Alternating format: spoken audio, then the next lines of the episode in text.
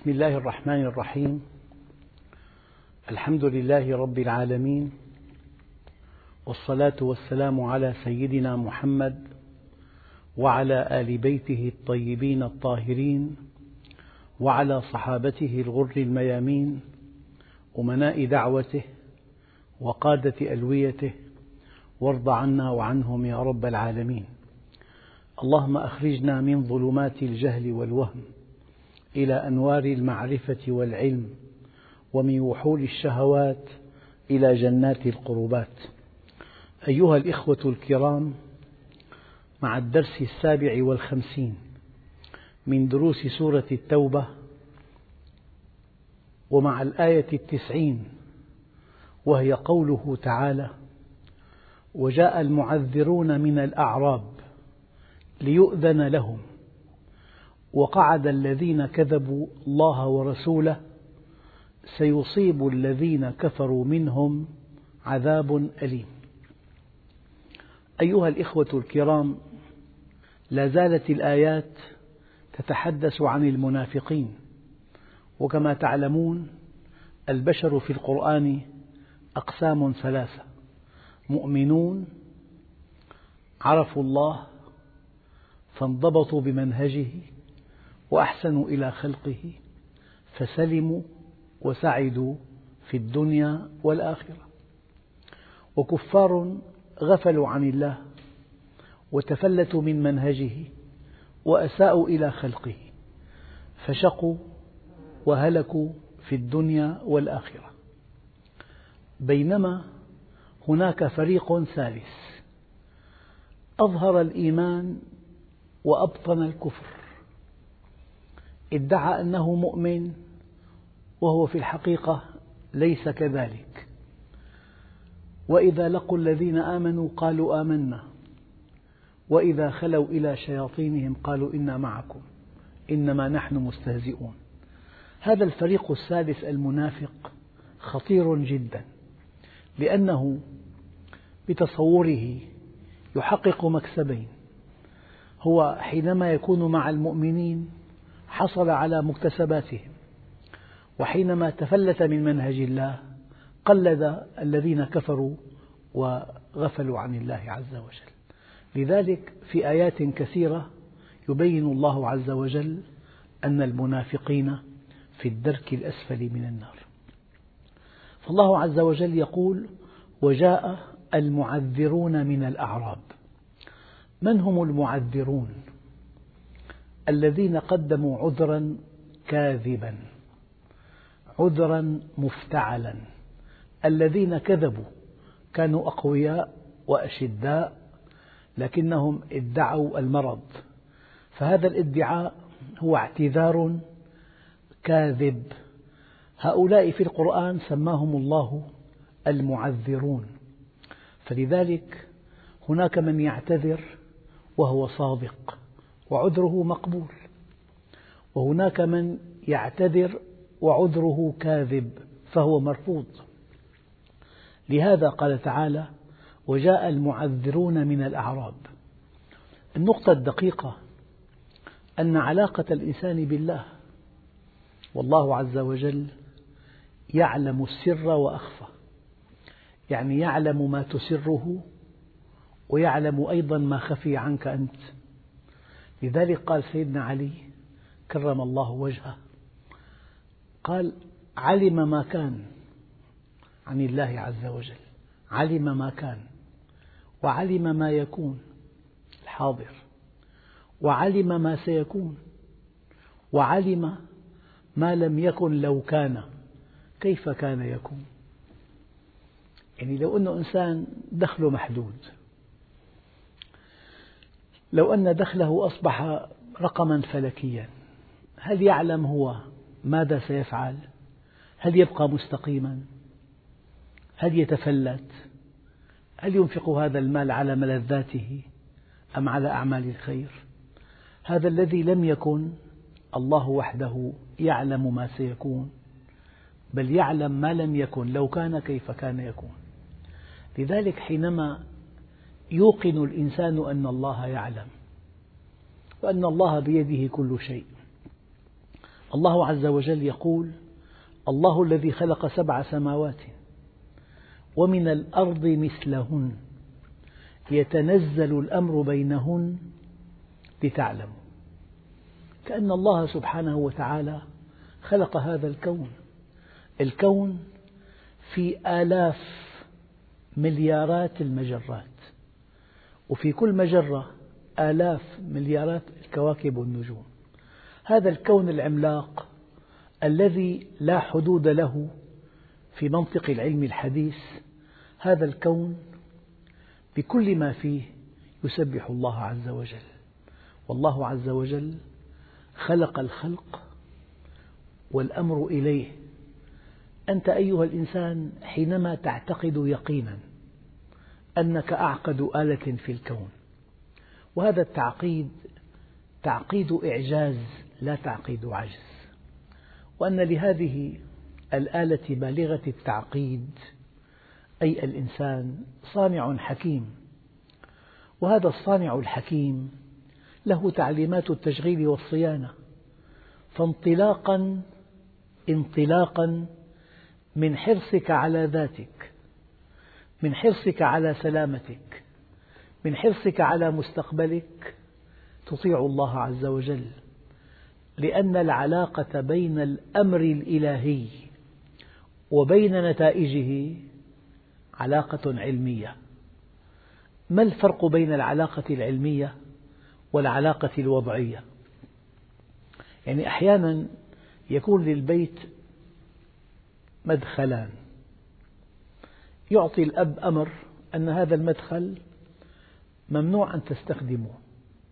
مسموح لكم بالثاني فإذا أراد أحد الأولاد أن يعصي أباه فدخل في المدخل الذي منع عليهم يعاقب.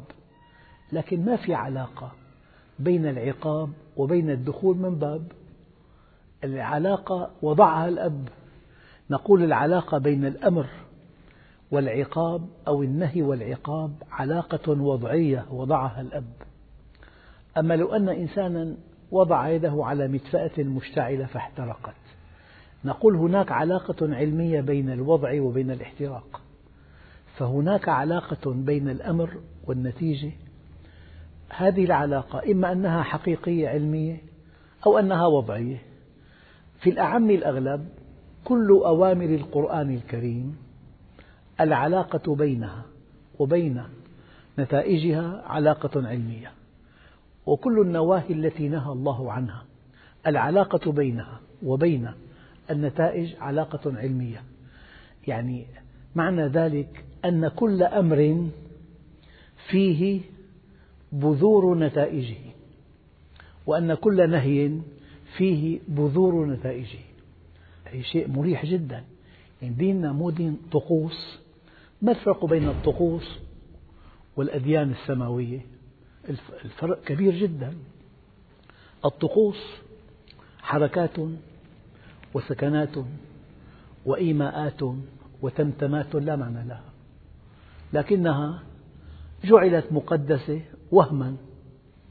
أما الدين الأمر والنهي بينه وبين النتيجة علاقة علمية.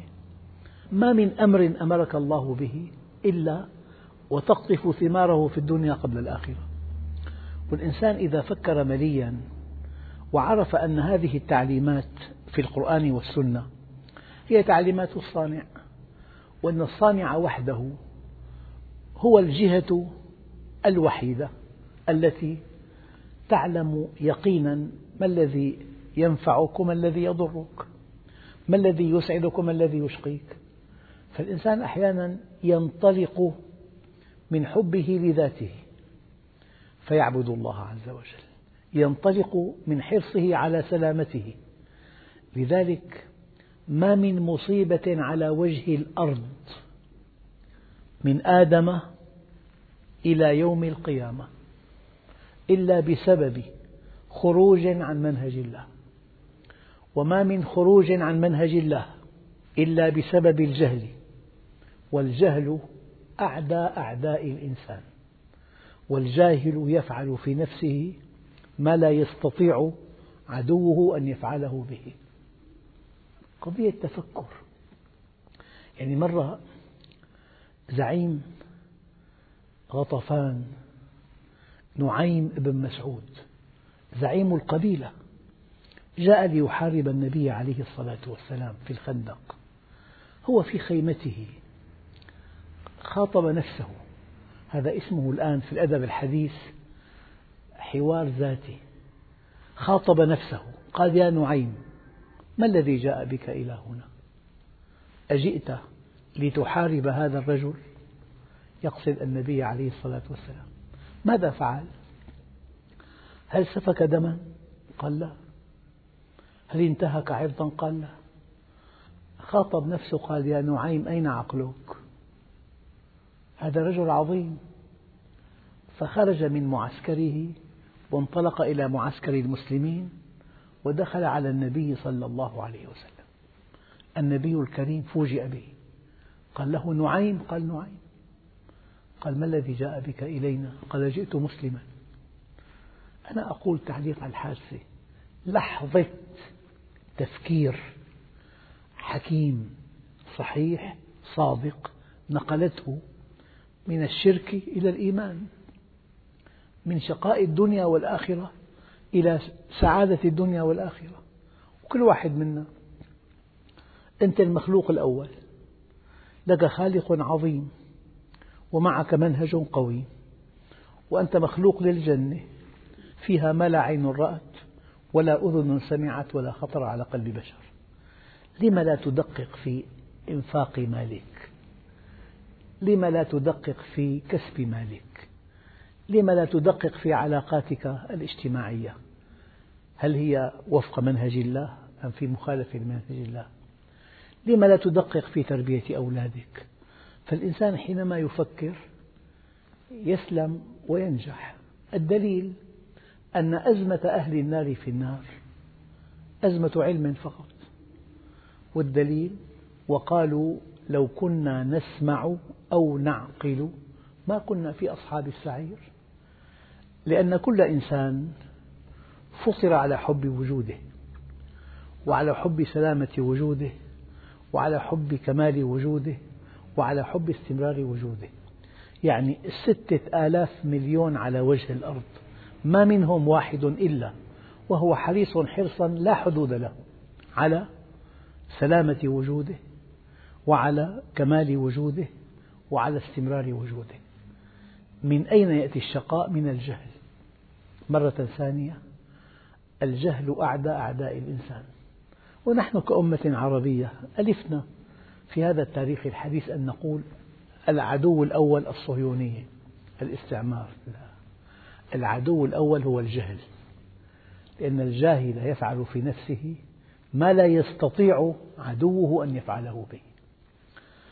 لذلك هؤلاء المنافقون هؤلاء أرادوا أن ينالوا مكاسب المؤمنين وأن يتمتعوا بتفلت الكافرين.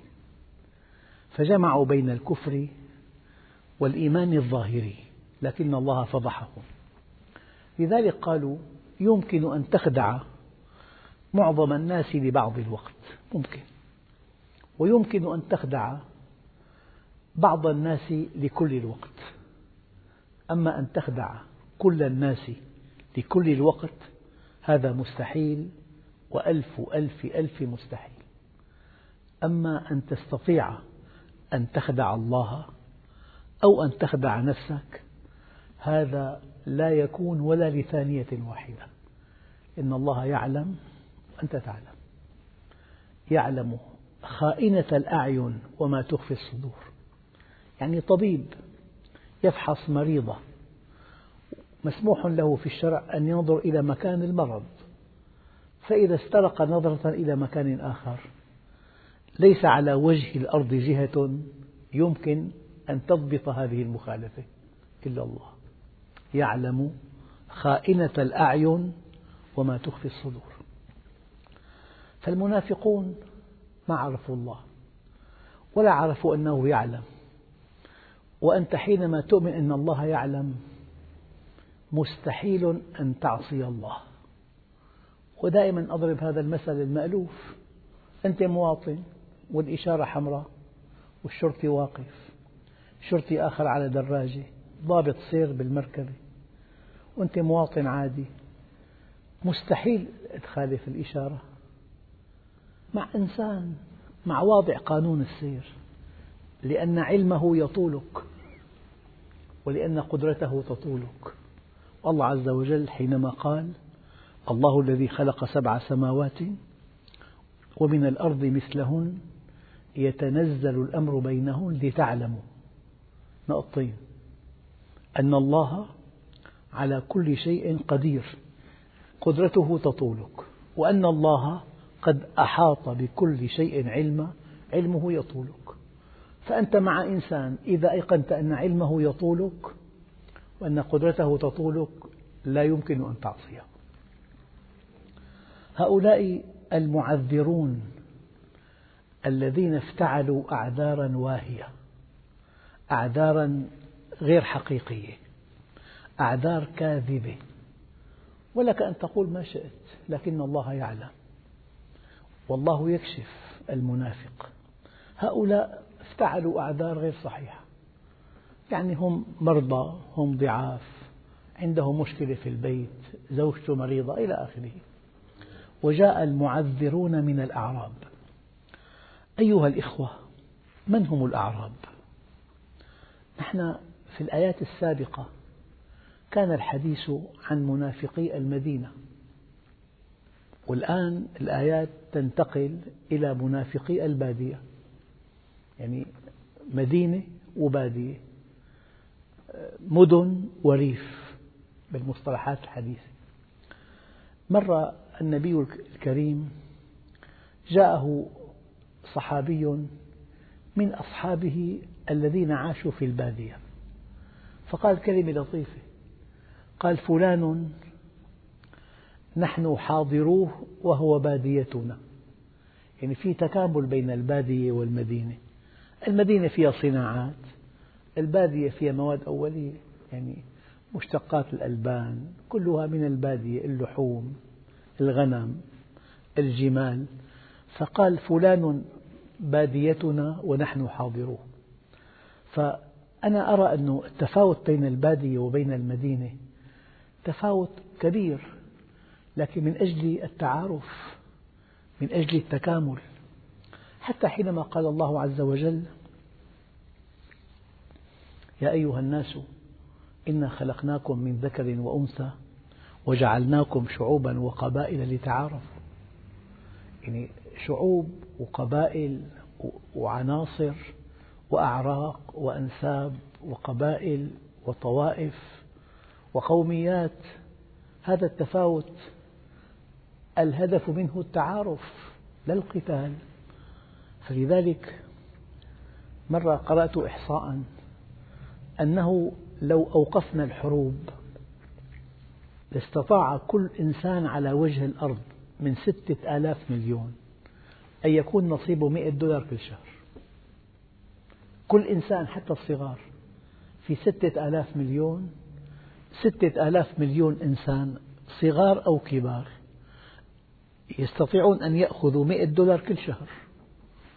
هذه نفقات الحروب. يعني ثلثاء الدخول القومية في البلاد تذهب للجيوش والاستعداد للحرب.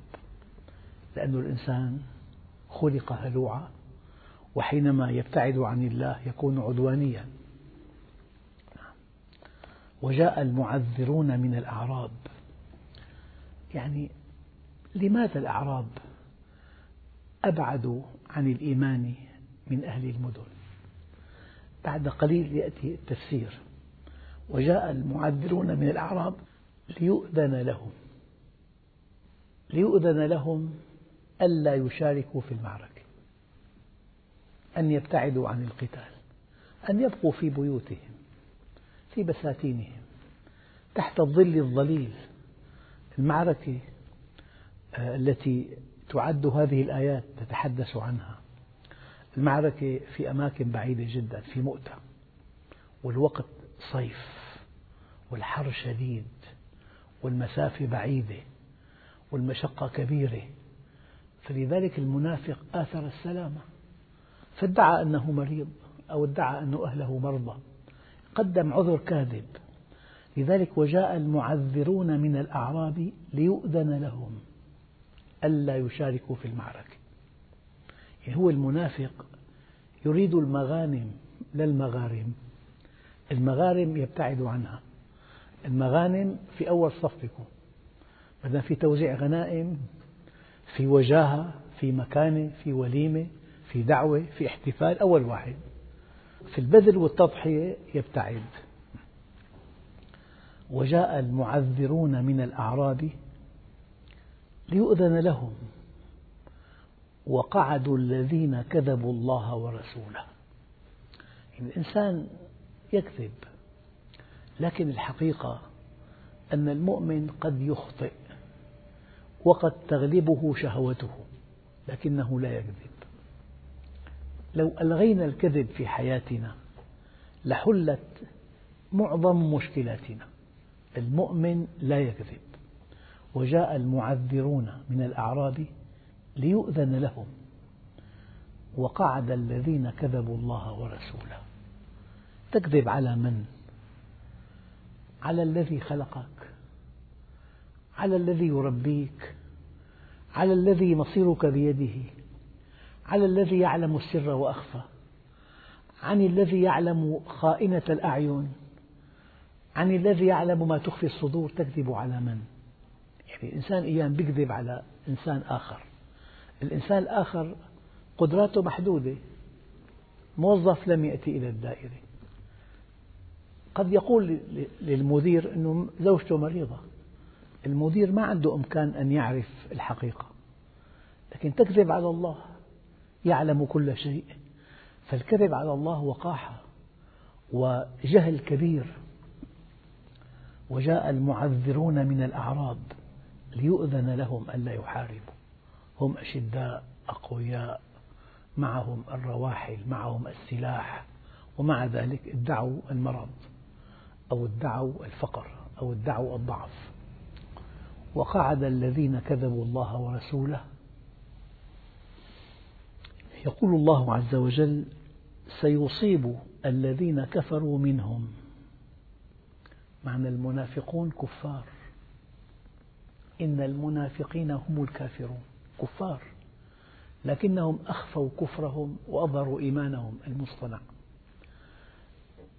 وقعد الذين كذبوا الله ورسوله سيصيب الذين كفروا منهم عذاب أليم.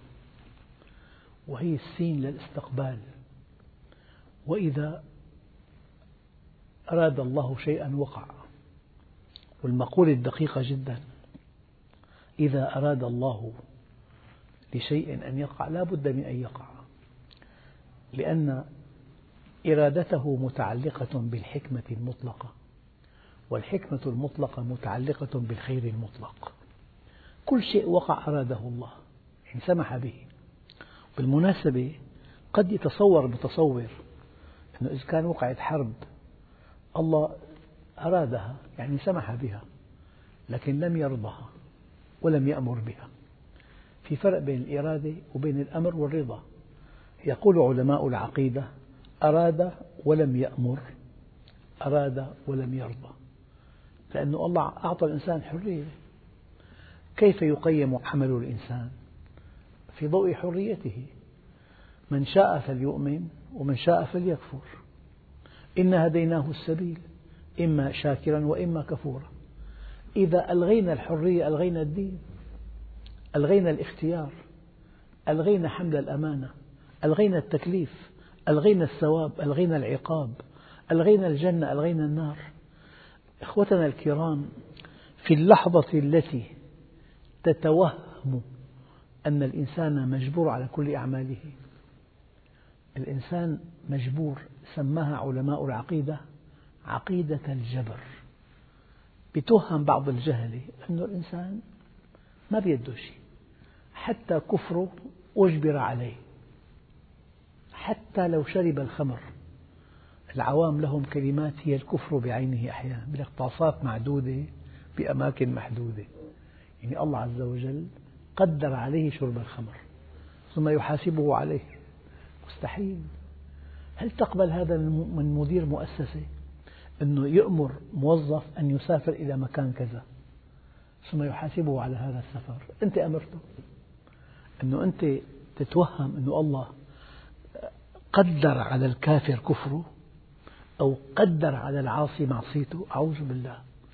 قل إن الله لا يأمر بالفحشاء. أخواننا الكرام مرة ثانية.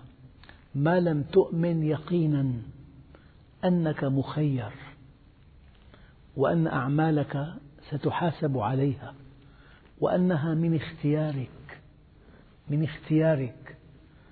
لو ألغيت هذا ألغيت الجنة ما لا معنى. حتى إن بعض الصحابة الكبار قال لو أن الله أجبر عباده على الطاعة لبطل الثواب. ولو أجبرهم على المعصية لبطل العقاب.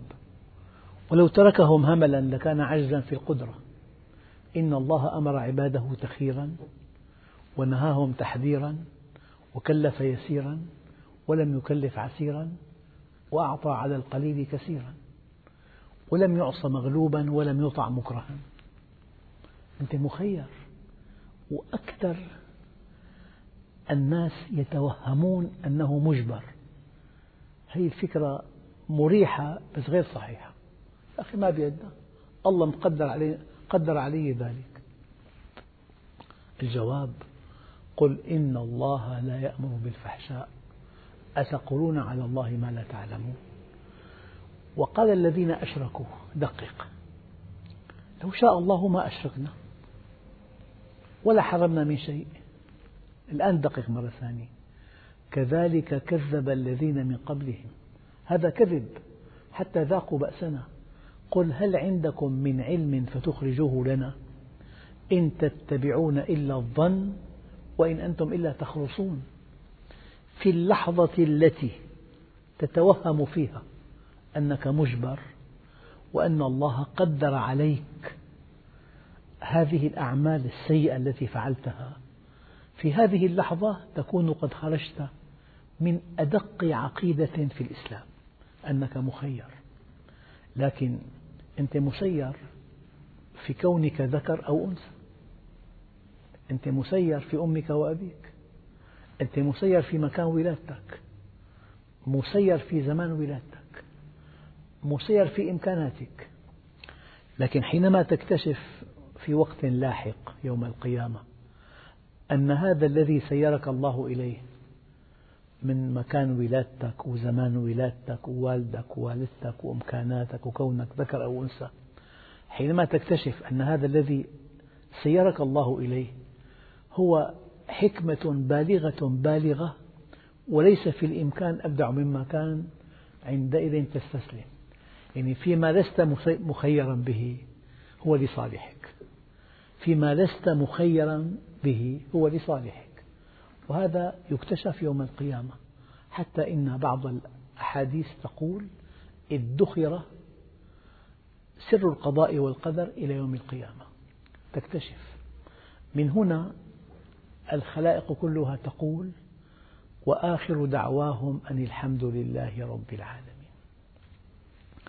أيها الإخوة وجاء المعذرون من الأعراب ليؤذن لهم في عدم المشاركة في الجهاد. وقعد الذين كذبوا الله ورسوله. يعني بالمغانم جاهز بالمغارم غائب. بالأشياء المريحة أول صف الأشياء المتعبة آخر صف أو لا يأتي إطلاقا. لكن الله عز وجل الإسلام في إنصاف.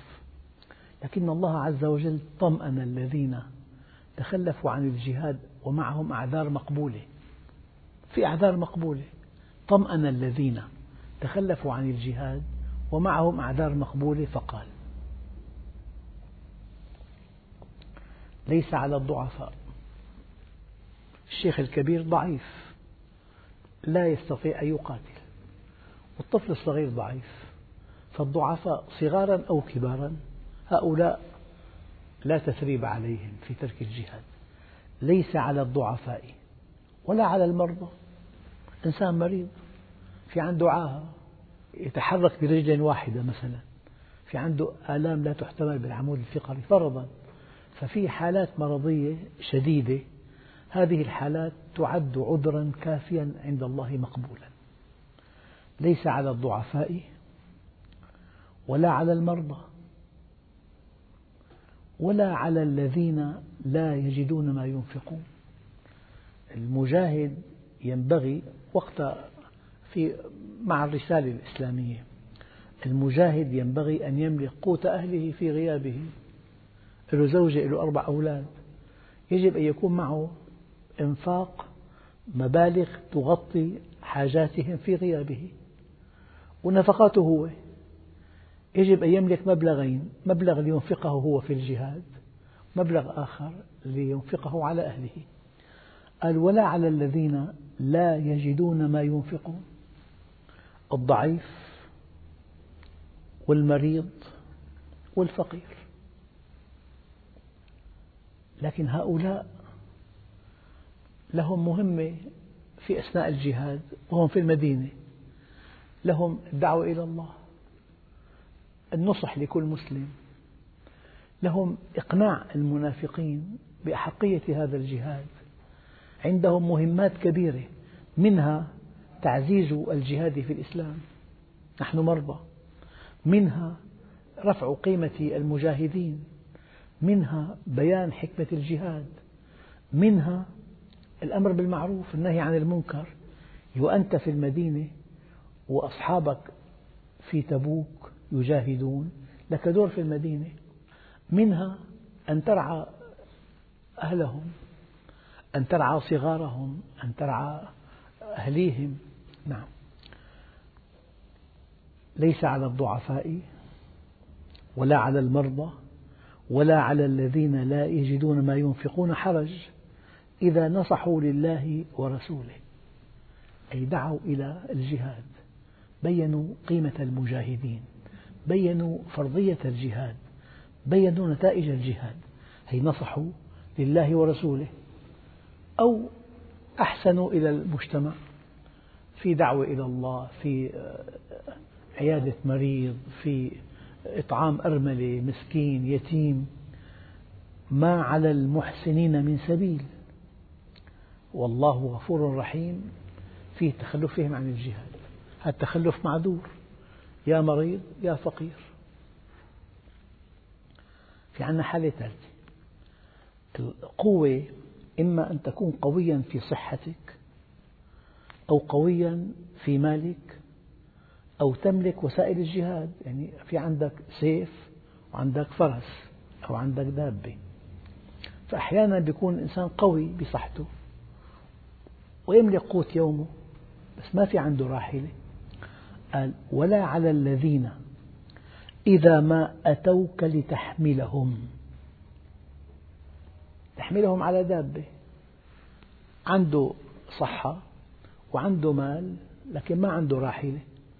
ولا على الذين إذا ما أتوك لتحملهم على دابة يعني. قلت لا أجد ما أحملكم عليه. هلأ تولوا. دقق وأعينهم تفيض من الدمع. حزنا ألا يجدوا ما ينفقون. هذا إنسان مستثنى. هذا فقير أو ضعيف أو صحيح وقوي لكن ما في عنده دابة تحمله. فجاء النبي يرجوه أن يؤمن له دابة. قال له والله لا أجد ما عندي. تولى رجع إلى بيته وهو يبكي من شدة ألمه ومن شدة حزنه على ما فاته من هذا الفضل الكبير. تولوا وأعينهم تفيض من الدمع حزنا ألا يجدوا ما ينفقون. لذلك علة وجودك في الدنيا العمل الصالح. والإنسان المؤمن في صلاة الفجر يقول اللهم هب لنا عملا صالحا يقربنا إليك. نحن أيام نعمل عملا صالحا لكن بشكل عرضي. أما حينما تعلم علم اليقين أن علة وجودك في الدنيا علة وجودك في الدنيا بعد الإيمان هو العمل الصالح. لأن العمل الصالح يرفعك. ولأن الإنسان إذا جاءه ملك الموت لا يندم إلا على عمل صالح فاته. قال رب ارجعوني لعلي أعمل صالحا. إذا هؤلاء الذين كانوا ضعفاء أو كانوا مرضى أو ما عندهم ما ينفقون على أهلهم في غيابهم ولا على أنفسهم في مشاركتهم. نعم ما عليهم حرج لكنهم ينصحون بالجهاد ويرفعون قيمة المجاهدين ويبينون حكمة هذه الفريضة. إذا نصحوا لله ورسوله بل إذا دعوا إلى الله أو أمروا بالمعروف نهوا عن المنكر ما على المحسنين من سبيل والله غفور رحيم. لتخلفهم عن الجهاد لأنهم معذورون. ولا على الذين إذا ما أتوك لتحملهم قلت لا أجد ما أحملكم عليه تولوا وأعينهم تفيض من الدمع تفيض من الدمع. بالمناسبة الإنسان في عنده غدد دمعية. هذه حينما تفرز مفرزاتها ترطب العين وتسهل حركة الأجفان. لكن في الحزن الشديد هذه الغدد تفرز دموع أكثر من الوضع الطبيعي. عندئذ تفيض العين بدموعها. البكاء هو إفراز دموع أكثر من المصرف. في مصرف. بمؤق العين في قناة تتصل بالأنف. فالدموع الزائدة تصرف عن طريق قناة دقيقة جدا إلى الأنف. يعني مرة حدثني أخ قال لي أنا في عندي مشكلة كبيرة. هذه القناة الدمعية مسدودة فدائما العين يفي الدمع يفيض. من فيضان الدمع المستمر صار في خط على خدي أن الدمع في مادة قلوية؟ هذا الخط في تخريج صار. في نعمة ما بتخطر ببال الإنسان أنه هذه القناة اللي بتصرف الدمع إلى الأنف سالكة. لو أنها لم تكن سالكة في مشكلة كبيرة بتشوه الوجه. نعم. تولوا وأعينهم تفيض من الدمع حزنا ألا يجدوا ما ينفقون إنما السبيل. من هو المؤاخذ؟ من هو المعاتب؟ من هو الملوم؟ من هو الكاذب؟ إنما السبيل على الذين يستأذنونك وهم أغنياء. قوي وغني ومعه درعه ومعه سيفه ومعه ناقة ومعه فرس. إنما السبيل على الذين يستأذنونك وهم أغنياء. رضوا بأن يكونوا مع الخوالف. الخوالف قال المفسرون هم النساء الذين اللواتي أمرن أن يبقين في بيوتهن ليرعوا أزواجهم وأولادهم. رضوا بأن يكونوا مع الخوالف وطبع الله على قلوبهم فهم لا يعلمون. الطبع هنا الإنسان إذا أعرض عن الله عز وجل وأصر على الإعراض عندئذ يغلف قلبه عندئذ لا يعي على خير. هذا الطبع تحصيل حاصل. يعني لو أن الباب الخارجي لهذا المسجد أحكم وأغلق فهذا الباب مفتوح لكن ما لا قيمة له. ما دام الباب الخارجي مغلق فكأنه مغلق هذا. فأحيانا يكون في طبع من صنع الإنسان. لما أعرض عن الله عز وجل والنبي الكريم يقول حبك الشيء يعمي ويصم. الإنسان آثر شهوته أحبها إذا هو لا يعي على خير.